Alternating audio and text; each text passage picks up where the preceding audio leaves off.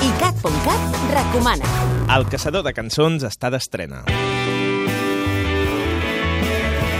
El programa Song Hunter, presentat i dirigit per Raúl Hinojosa, ha descobert aquesta setmana grups i cançons de diverses parts del món. De Terrassa s'ha mogut fins a Londres i ha passat també per Santiago de Xile, Vic, Vilanova i la Geltrú o Còrdoba, a l'Argentina. Recupera-ho a ICAT.cat. El capítol d'aquesta setmana, titulat amb la pregunta La mort del pop, ha estrenat a més dues cançons de Dimas i el invisible Harvey, el projecte en solitari de Dimas Rodríguez, guitarrista de la banda municipal del Polo Norte.